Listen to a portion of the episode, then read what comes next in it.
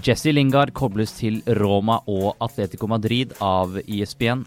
Bør Solskjær la engelskmannen gå, og hva bør eventuelt Manchester United gjøre i sommervinduet?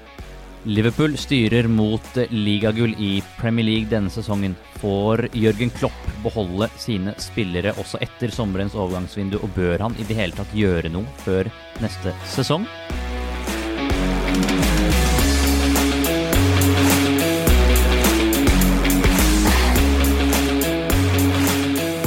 Da ønsker vi velkommen vi til en ny episode av nettavisen Silly Season. Overgangsvinduet i januar er nettopp lukket, i hvert fall i de aller største ligaene. Men eh, det rører fortsatt rykter på seg. Vi kan ta en liten oppsummering. Jeg heter Adrian Rikvoldsen. Jeg har med meg OJ Hansen og Jonas Giæver. Er det godt eller litt vemodig at vinduet er lukket, eh, OJ? Nei, eh, deilig. Er du enig, enig Jonas? Arbeidsmessig så er det jo litt mindre å gjøre, da, men det er jo alltid gøy når det beveger litt på seg og du får litt sånn sjokkrykter av det som er. Spesielt eh, Deadline Day denne gangen hadde jo litt grann for seg. Da. Det pleier jo å være en, et antiklimaks uten like, men uh, Skal vi ta litt Det er jeg helt enig i, men Ja. i år Nei. så var, leverte jo Deadline Day litt. Gjorde det. Det var ganske gøy. Eh, Det var det. Men det var, det var jo gøy fordi det var Manchester United spesielt som var desperate etter å, etter å handle spillere, og Tottenham kastet seg litt inn mot slutten og det som var. Så, altså Joshua King er jo spesielt eh, Det var jo spesielt gøy med det ryktet med, norsk, med norske øyne. da Altså En nordmann til kall det norske Manchester United. Og så gikk det sønder, og plutselig så var det en tidligere Lyn-spiller som skulle spille for Manchester United. Altså Det var jo fullstendig gale, Mathias. Så, men så endte de opp da med Odion Igalo, og det Nei, jeg veit ikke. Jeg syns det vitner om dårlig planlegging nok en gang jeg er fra Manchester United. Vi, Men vi sånn har kanskje være. ikke Harry Redknapp som ruller ned bilvinduet og sier at Kaka er en spennende spiller på vei inn Portsmouth-lokalene, men eh, vi har Manchester United som leverte på deadline day. Vi skal starte også med en United-spiller, vi gutter. Eh, Rob Dawson i eh, ESPN, velinformerte Dawson, melder at eh, både Roma og Atletico Madrid skal lede han i jakten på, på Jesse Lingard. Hva er dine første tanker når du hører det, OJ? Eh, Det høres egentlig ut som eh, det jeg ville kalt en nachspiel-idé. Eh, Lingard har jo ikke vært spesielt god i Premier League. De fleste har sikkert fått med seg den saken om Solskjær, som også reiv seg ganske bra i håret over Lingards påfunn her nylig. Det, er heller ikke sånn flust av engelskmenn som har tatt den der overgangen fra Premier League til eh, La Liga veldig bra. Og når du egentlig ikke er god nok for Manchester United, og så skal du reise til en annen klubb og, som du sannsynligvis heller ikke er god nok for, så lukter det jo flopp lang vei. Det, han har jo vært kritisert eh, mye, Jonas. Jesse Lingard. Var jo TV-bildene plukka jo opp eh, Solskjær nå nylig da han mista ballen, hvor man eh, i klare ordlag fikk se at Solskjær var beredt til å ta han av hvis han mista ballen en gang til. Nå er han jo en, en local lad i, i Manchester, men hva tenker du når du hører at både Roma og, og Atletico Madrid skal være ute etter han? Er, det, er Diego Simione en som kunne fått skikk på, på Jesse Lingard? Det første jeg tenker, er hva er det de røyker på Wanda Metropolitano og Stadio Olympico? Fordi de har allerede spillere som jeg føler er bedre enn Jesse Lingard, først og fremst. Um, men for å ta Diego Simione eh, litt mer spesifikt Han har allerede problemer med Thomas LeMar, da, uh, som er en spillertype som er tilnærmet lik. Jeg vil jo mene at Thomas LeMar er uh, potensielt to, tre, fire, fem, seks, syv hakk bedre enn Jesse Lingard igjen også, men samtidig så er det jo åpenbart at han ønsker spillere som kan skape noe på, på egen hånd. Og slik OJ sier, altså, det vitner jo mer om at man ikke er helt sikker på, på sin egen overgangspolitikk når Jesse Lingard visstnok skal være en spiller som er, er aktuell. Men så skal det også sies her nå at eh, Lingard har byttet agent til Mino Raiola. Og det er jo kanskje godt agentspill òg, å få disse navnene knyttet til en spiller som har underprestert såpass mye som han har. Samtidig, så for å ta Roma som, som eksempel De hentet jo også en spiller som underpresterte stort i Manchester United, i Chris Smalling, som var eh, Eller som har vært nærmere Smaldini nå enn han har vært eh, Smalling i, eh, i Roma. Og da, da mener jeg at kanskje det er noe av det f.eks. Roma tenker, da. At de kan gjenopplive karrieren hans litt. Men det blir liksom litt som det å prøve å gjenopplive noe som er helt dødt, altså. For jeg syns Jesse Lingard er uh, mange hakk under det Smalling viste potensial til å ha. Er viktig å understreke, som du, som du sier, kan jo være et agentspill som er planta i media. Så ikke mm, ta for god fisk at Atletico Madrid er interessert. Men hvis vi går til, litt, tilbake til, til, Manchester United, OJ. Eh, nå fikk Solskjær tak i Odio Nigalo på lån, og etter mye om og men fikk han også tak i Bruno Fernandes. Men når sommervinduet kommer, som også blir et veldig viktig vindu for Solskjær og United, hvor bør de forsterke nå etter å ha funnet den playmakeren de var ute etter?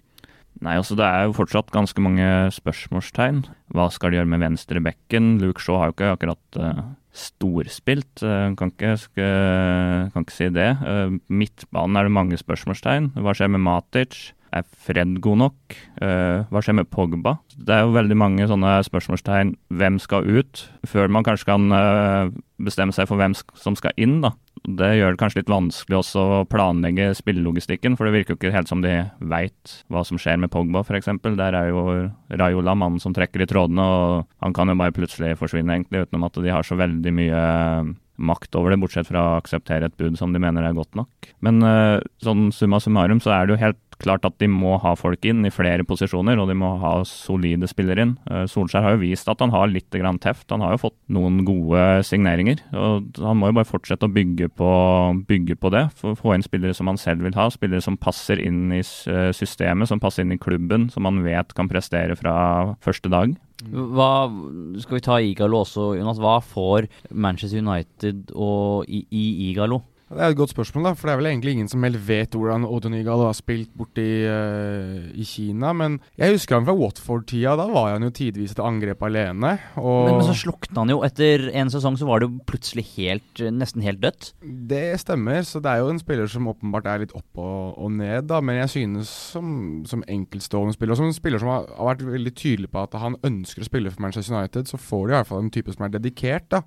Og det er også det Solskjær var ute etter, virka ja, som i uttalelsen hans også. Ja, altså Jeg synes jo Det har vært mye omtalt, denne spissjakten til Manchester United, hvor det vært, skal være innom ni ulike spillere før de endte opp med Igalo. Og da Å være et tiendevalg er kanskje ikke den beste følelsen Igalo sitter med, men samtidig så er det jo den følelsen han kanskje har ønsket hele karrieren sin. Da. Det å faktisk være Manchester United-spiller, og det er han nå. Så for å besvare litt samme spørsmål som OG fikk her nå, hva er det de trenger til sommeren? Vel, de trenger uh, uansett en spiss, mest sannsynlig. Eh, og om det blir Igalo på, på, permanent avtale, eller om de faktisk går ut og henter noe bedre, det får tiden vise. Men at de mangler mål, det er jo det mest åpenbare. Altså Manchester United skårer jo ikke mål. De er jo tafatte når de først skaper målsjanser også, synes jeg. Og det er greit nok det at uh, de nå har hentet en spiller som har bevist at han kan skåre mål, men de må kunne klare å skape de målsjansene. Så det er kanskje det å ha typer som James Madison, da, som har vært koblet mye til Manchester United. Nå leste jeg nylig nå at de uh, Leicester nærmer seg en ny avtale med ham, og det er jo altså, nesten de verste nyhetene United kan få i så fall, med tanke på deres overgangsvindu til sommeren, hvis Madison uh, blir værende eller signerer ny kontrakt med Leicester. Men Kan det også være en taktikk av Leicester å signere ny kontrakt for å høyne verdien på ham, tror du? Jo, definitivt kan jo det, men samtidig så vil jeg jo tro at United sikkert har allerede planlagt, eller eh, sikkert forhørt seg litt med folk rundt Madison om hva han kunne koste og hva han ville forlange, men samtidig, hvis han da signerer en ny kontrakt med Leicester, så vil jo de kravene være høyere igjen, mest sannsynlig. Så det blir jo en avtale, hvis det skulle bli en avtale som materialiserer seg, som blir dyrere nesten uansett hva som skjer. Og da er det jo plutselig andre områder United må, må revurdere, kanskje, da, om de skal signere en, en midtstopper som er så god, en venstreback som er så god, fordi de må kanskje legge 10-20 millioner pund mer på bordet totalt for å sikre seg Madison. Vi skal la Manchester United ligge akkurat for denne gang. Vi kommer nok tilbake til dem om ikke så altfor lenge. Vi skal heller bevege oss eh, til eh, en eh, viss klubb fra Mercyside, OJ, som styrer mot ligagull, må vi kunne si. Leder har en luke på over 20 poeng i Premier League nå. Jørgen Klopp og, og, og Liverpool uh, hentet nå Takune Minamino i, i januar tidlig. Uh, sett at uavhengig av hvordan sesongen ender, så har jo Jørgen Klopp rår over et, et ekstremt bra mannskap. En, tror du han får beholde de han ønsker å beholde også etter denne sesongen, og bør to. Bør Liverpool forsterke seg på noen områder før neste sesong?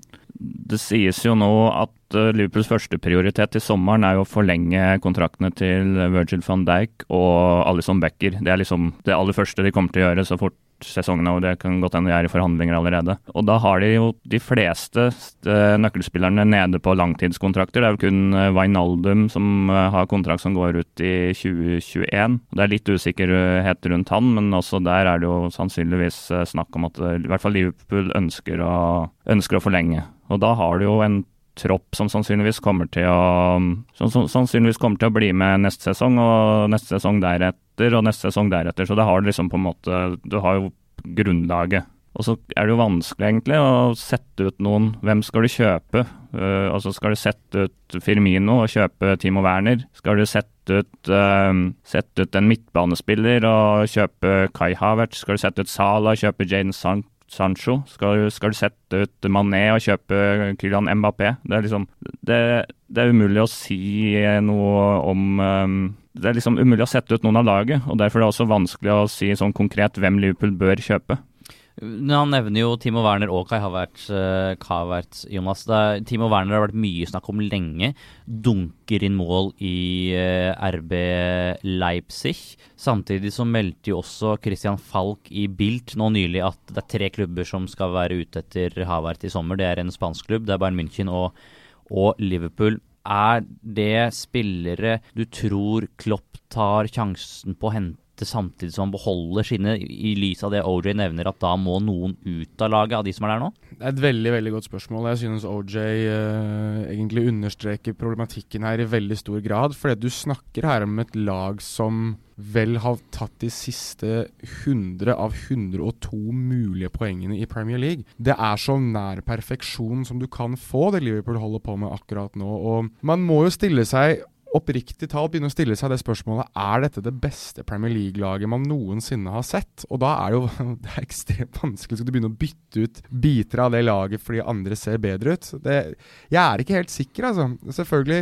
dybde og, og, og lengde i form av kvalitet i, i troppen, det, det er eh, alfa og omega hvis du skal utfordre på flere flater. Men samtidig så virker Liverpool ekstremt godt mobilisert når de først får skader. Vi må huske at det kanskje den største bragden Liverpool har klart de siste hvis vi regner vekk eh, Istanbul-oppgjøret, da, så siste 20 årene så det, det å vinne 4-0 hjemme mot Barcelona uten Mohammed Salah og uten Roberto Firmino. Og det, er, og Barcelona med Lionel Messi og hele stjernegalleriet som kom uh, til Anfield. De er ekstremt sterke i den, den, mentaliteten og den troen og det samholdet de allerede har, at jeg vet liksom ikke helt hvem som skal komme inn og forsterke dem noe særlig. At det kunne vært fint å ha typer som Werner, Mbappé, Sancho, Havertz Ja, selvfølgelig.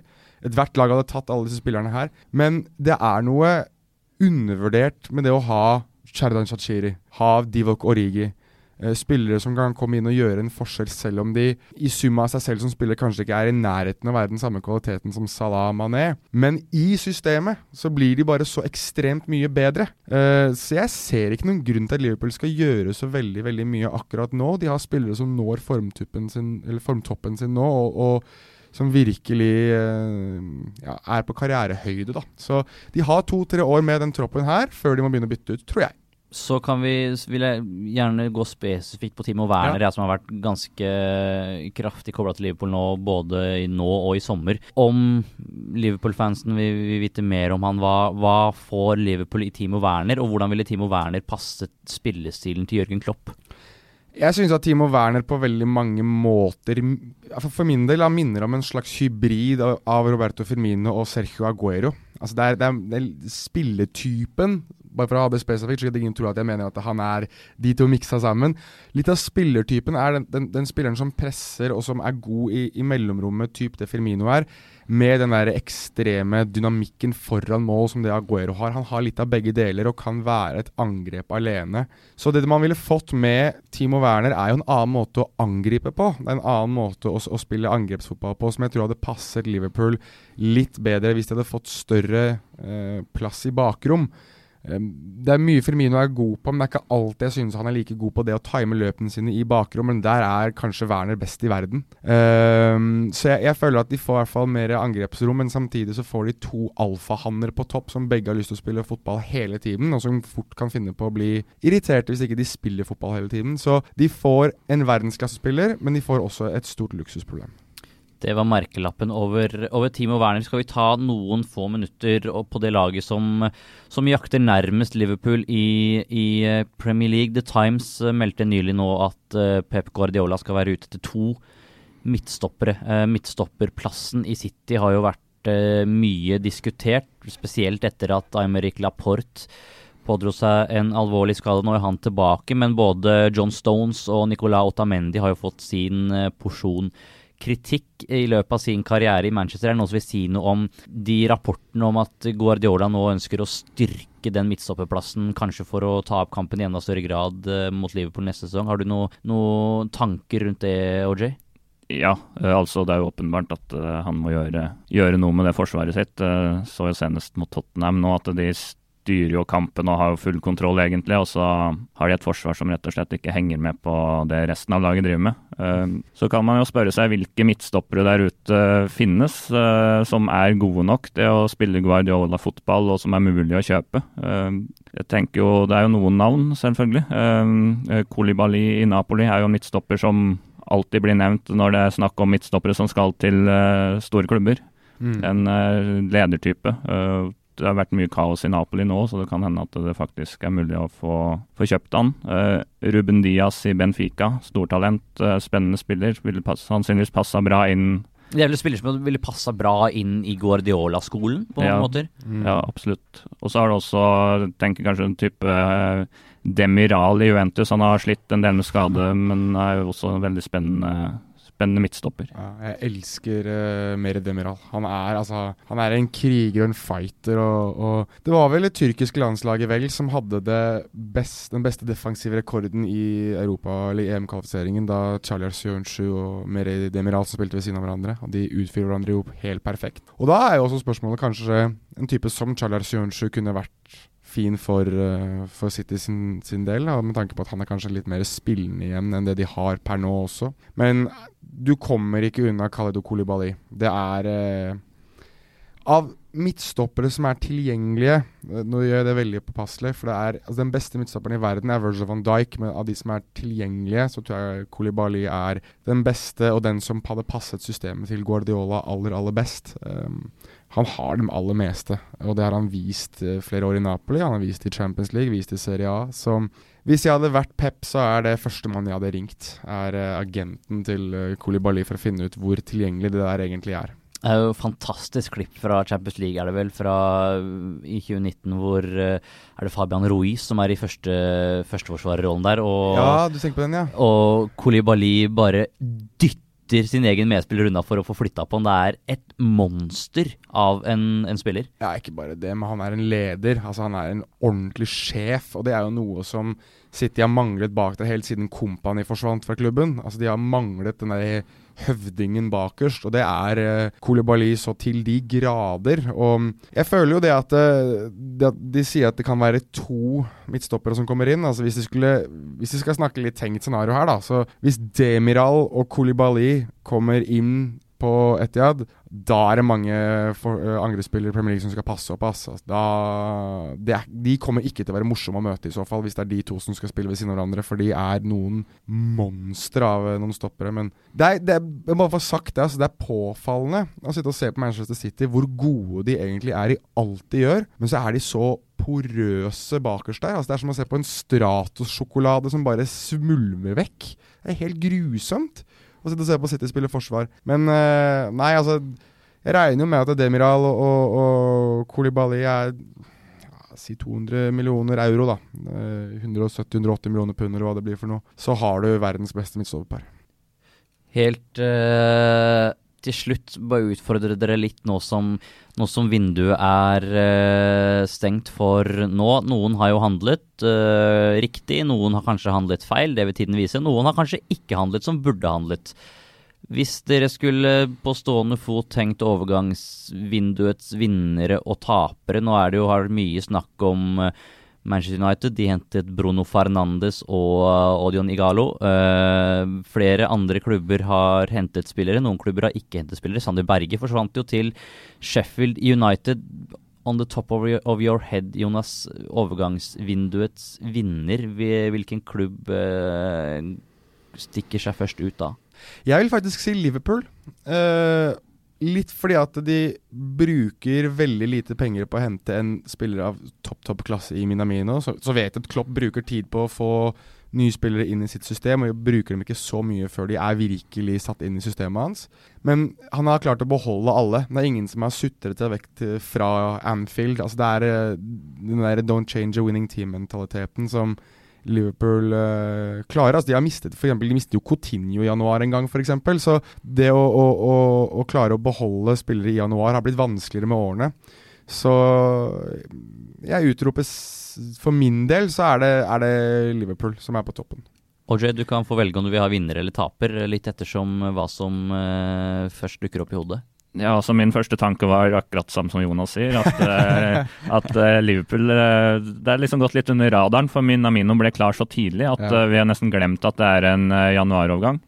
men det er en veldig bra overgang, tror jeg. så Sheffield United sikrer seg Sander Berge, en av Europas mest talentfulle midtbanespillere, til Sheffield United, som ligger på um, femte-sjetteplass i Premier League. Det, det, er jo veldig spennende, egentlig. Blir spennende å se hvordan han klarer seg der. Kommer inn i en gruppe, noen veldig noen hardcore engelsk-britisk gruppe med engelskmenn, irer og skotter. Skal vi se hvordan han klarer å gli inn i miljøet der. Tapere, da kanskje ikke så lett, egentlig. De fleste har kommet ganske greit ut av det. Men Chelsea jakta jo en spiss, de fikk jo ikke noe spiss.